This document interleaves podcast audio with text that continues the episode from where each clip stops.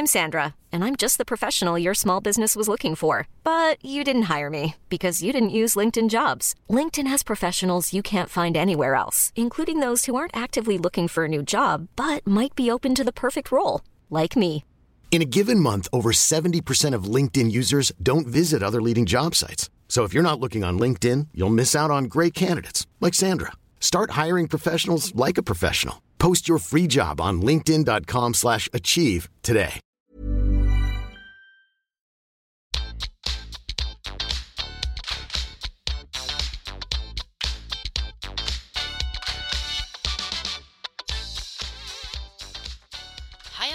Alle og velkommen tilbake til podkasten Karriereveiledning med Elaine.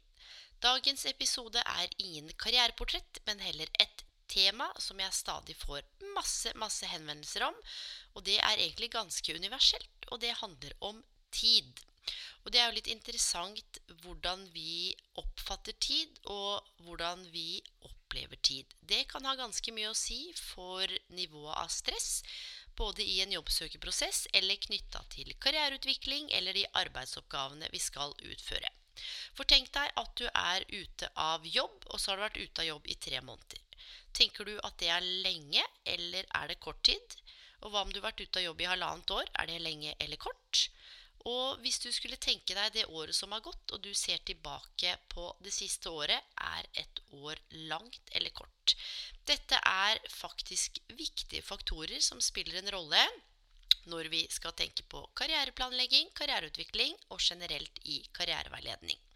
For det å kunne kultivere og trene på å organisere og reflektere rundt hvordan du bruker din egen tid, enten på jobb eller i en jobbsøkeprosess, kan faktisk være en av nøklene for å finne balanse. Og det er ikke alltid vi tenker over at tid er en av faktorene, men det kan det faktisk være. Så hvordan er det du opplever tid? Hva bruker du tiden din på? Og hvor lang tid er det du bruker på ulike aktiviteter? Det kan være interessante faktorer å kartlegge. Det er nemlig mulig, som jeg sa, å kultivere og utvikle evnen til å trene på å prioritere, organisere, eventuelt delegere, lage strategier, planlegge og løse utfordringer knytta til tid.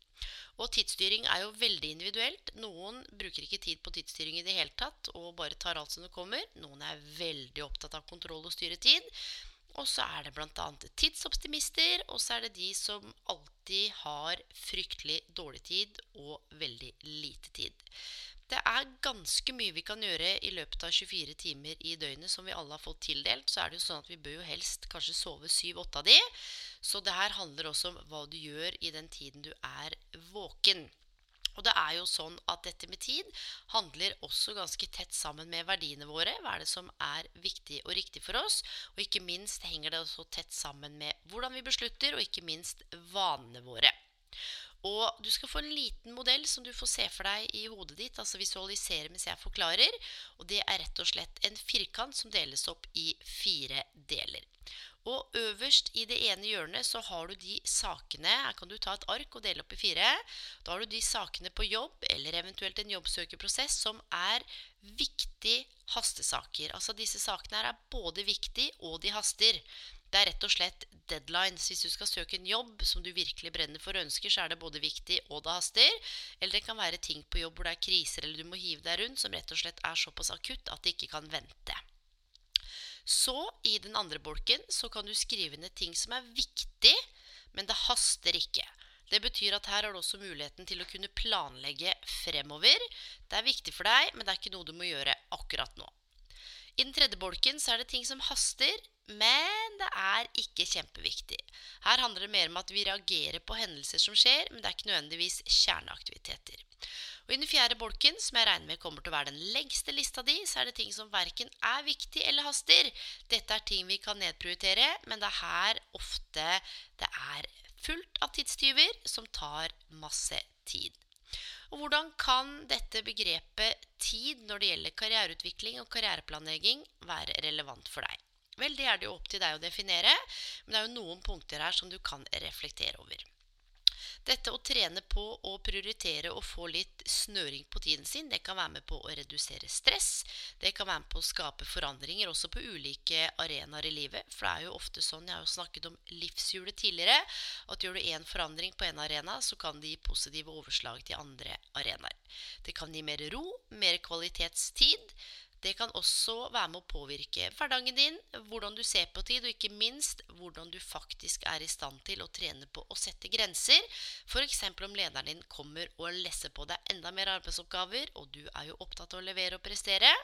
Så du har kanskje utfordringer med å si nei, som gjør at det blir vanskelig for deg å komme hjem og koble av hvis det er det du ønsker å gjøre. Og dette med å sette grenser er en viktig faktor som veldig mange syns er utfordrende. Eh, og som jeg får veldig mange henvendelser knytta til. Så hvis du kjenner henne i dette, så er du i hvert fall ikke alene, men det er også en treningssak. Ofte er vi redd for å si nei fordi vi er redd for hva andre folk skal tenke om oss, mene om oss, føle om oss. Vi er redd for å skuffe andre. Men sannheten er at når du velger å si nei, så kan jo ikke du kontrollere andres oppfatning av hvordan de altså, opplever det nei-et ditt. Og du trenger egentlig ikke forklare deg heller, men det kan av og til være lurt med noen ord. F.eks. dette med at nå trener du på å begynne å sette grenser, fordi du skal selv få mer kontroll på tiden din. Og i en forlengelse av dette, så når vi skal snakke om tid, så må vi faktisk se på et viktig element som jeg har plukket ut i dag, som handler om prokrastinering, eller det å utsette. Og det er faktisk ikke så veldig uvanlig. Men det er viktig å skille mellom veloverveide utsettelser, altså at du har gode begrunnelser for hvorfor du utsetter noe, for kanskje det er noe som er viktig og haster, som gjør at det faktisk kommer i veien, eller om det er årsaker til at du utsetter som handler om ting du egentlig ikke er helt bevisst. Så det gjelder å finne ut av hva som hindrer deg, og hva som gjør at du utsetter, og det kan handle om ulike drivere som du skal få bli kjent med nå. Den ene driveren, det handler om perfeksjonisme det er at du har veldig vanskelig med å egentlig være fornøyd med eget arbeid. Du har en høy, sterk indre kritiker som gjør at du kontinuerlig flikker og spikker og blir aldri ferdig før du er helt tett opp på deadline. For er du en perfeksjonist, så vil du også levere innenfor deadlinen, men du er egentlig aldri fornøyd med eget arbeid, så du koser deg på en måte ikke med oppgaven. Så det kan jo være interessant å reflektere over om du har litt perfeksjonist i deg som gjør at du faktisk kjenner at du prokrastinerer. Den andre typologien handler om dagdrømmeren. Her sitter du og koser deg og drømmer og tenker, og det er masse ideer og kreativitet som gjør at du aldri helt hvordan, eh, tenker over hvordan du skal Altså, du får ikke kommet i gang, da med å angripe oppgaven, for det er så innmari mye som du har lyst til å ha med.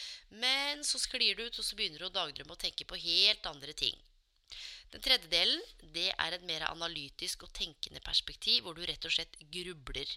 Her er det mye grubling, analyse og pingpong i hodet, og tanker frem og tilbake om hvordan og hvor og når og hvorfor og hvem, og hva kommer folk til å synes. Rett og slett her er det vanskelig å komme i gang fordi du bruker opp all tiden på å sitte og tenke istedenfor å gjøre. Den fjerde typologien handler om å overdrive. Det er at du ser dette prosjektet eller oppgaven mye, mye større enn det det faktisk er. Som betyr at istedenfor å bryte det ned i små delmål og gjøre det litt mer spiselig og overkommelig, så i hodet ditt Og det kan godt være at det er en veldig stor oppgave, men så virker det totalt uoverkommelig som et sånt fjell som er umulig å bestige. Men da kan det være lurt å bryte ned, sette deg bitte små delmål, så du i hvert fall får kommet i gang. Den andre typologien handler om å krisemaksimere, og det er her du blir helt klin gæren. Satt på spissen. Her er det rett og slett mot slutten, og du er utsatt såpass at nå er det helt krise, og verden kommer til å rase hvis ikke du får gjort det prosjektet her.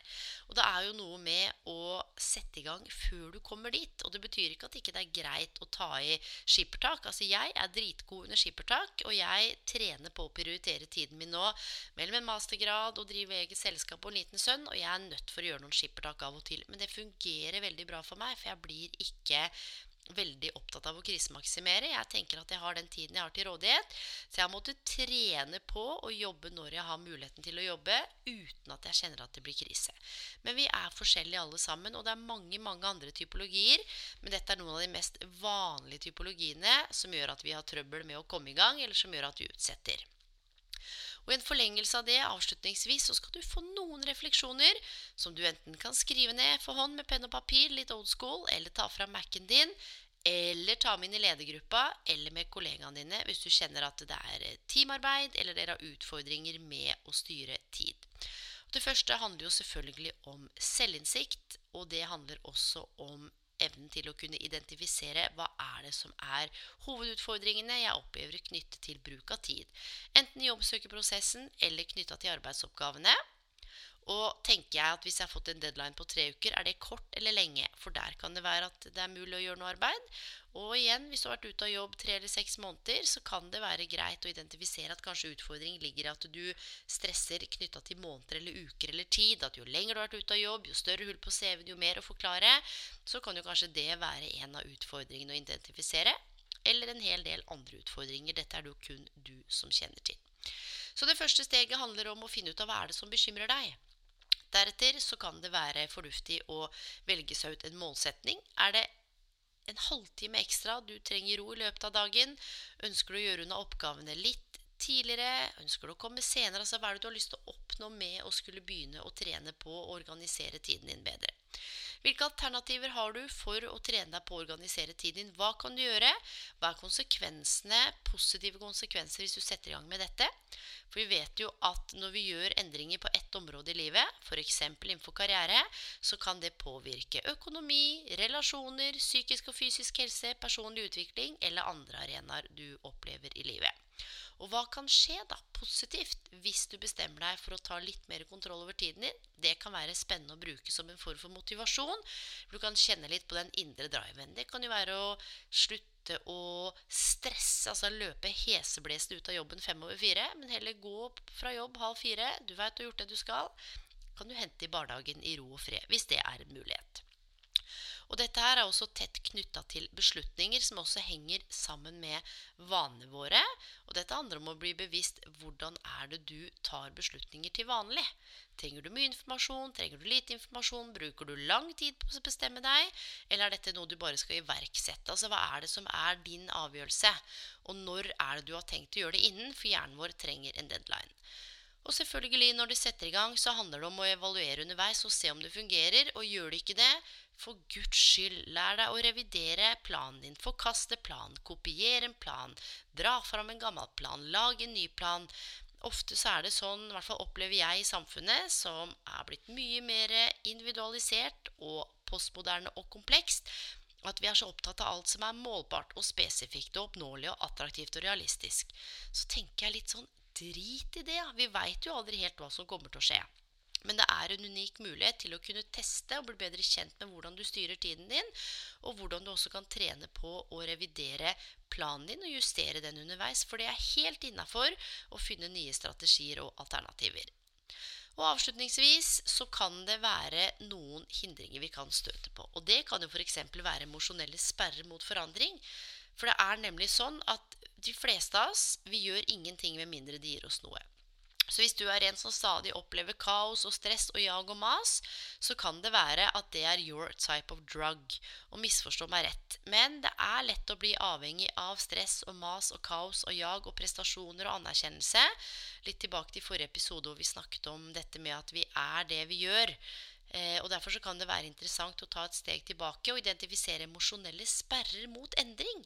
Fordi om du er en som identifiserer deg med stress og press og kaos og jag og mas, og jobben din bare er sånn, hvem er du da, hvis du tar bort det stresset, jaget, maset og kaoset, så du kanskje har knytta opp mot identiteten din i forhold til jobb? Det kan være et spennende tankekors. Samtidig, når du setter i gang og gjør endringer, så er det noe med å tenke økologi i dette her også. Hvordan vil det påvirke de rundt meg at jeg setter i gang og gjør denne endringen her? Det kan være nyttig å tenke over. Så med det, mine venner, ble det en liten kort episode om tid, for jeg opplever at det er enormt relevant når vi skal snakke om karriere og persepsjon av tid, og hvordan vi velger og forstår oss selv. Og med det så ønsker jeg dere en god dag, god natt eller god kveld, hvor enn du er i verden. Og som vanlig, har du noen tilbakemeldinger, så finner du meg på Instagram, Elaine underscore Bloom, elainebloom.no, karrierekanalen.com. Og så håper jeg å høre fra deg hvis det er et eller annet. Og med det, mine venner, så på gjenhør neste uke. Adjø.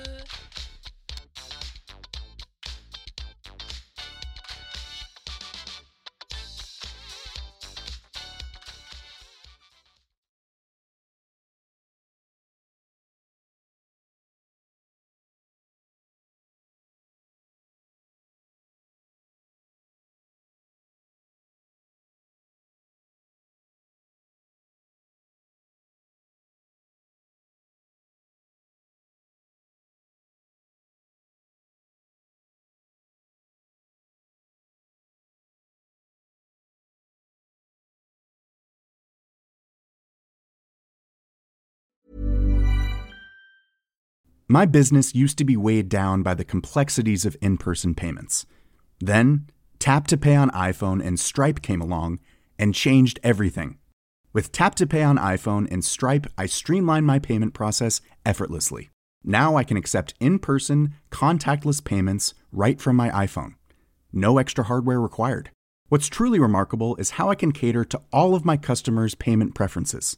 Whether they're using cards, Apple Pay, or other digital wallets, Tap to Pay on iPhone and Stripe ensure a smooth checkout experience every time. And it's not just me. Stripe helps businesses of all sizes, from local markets to global retailers, scale quickly and stay agile. To learn how Tap to Pay on iPhone and Stripe can help grow your revenue and reach, visit stripe.com/tapiphone. Hold up. What was that? Boring. No flavor. That was as bad as those leftovers you ate all week. Kiki Palmer here, and it's time to say hello to something fresh and guilt-free. Hello Fresh. Jazz up dinner with pecan-crusted chicken or garlic butter shrimp scampi. Now that's music to my mouth. Hello Fresh. Let's get this dinner party started. Discover all the delicious possibilities at hellofresh.com.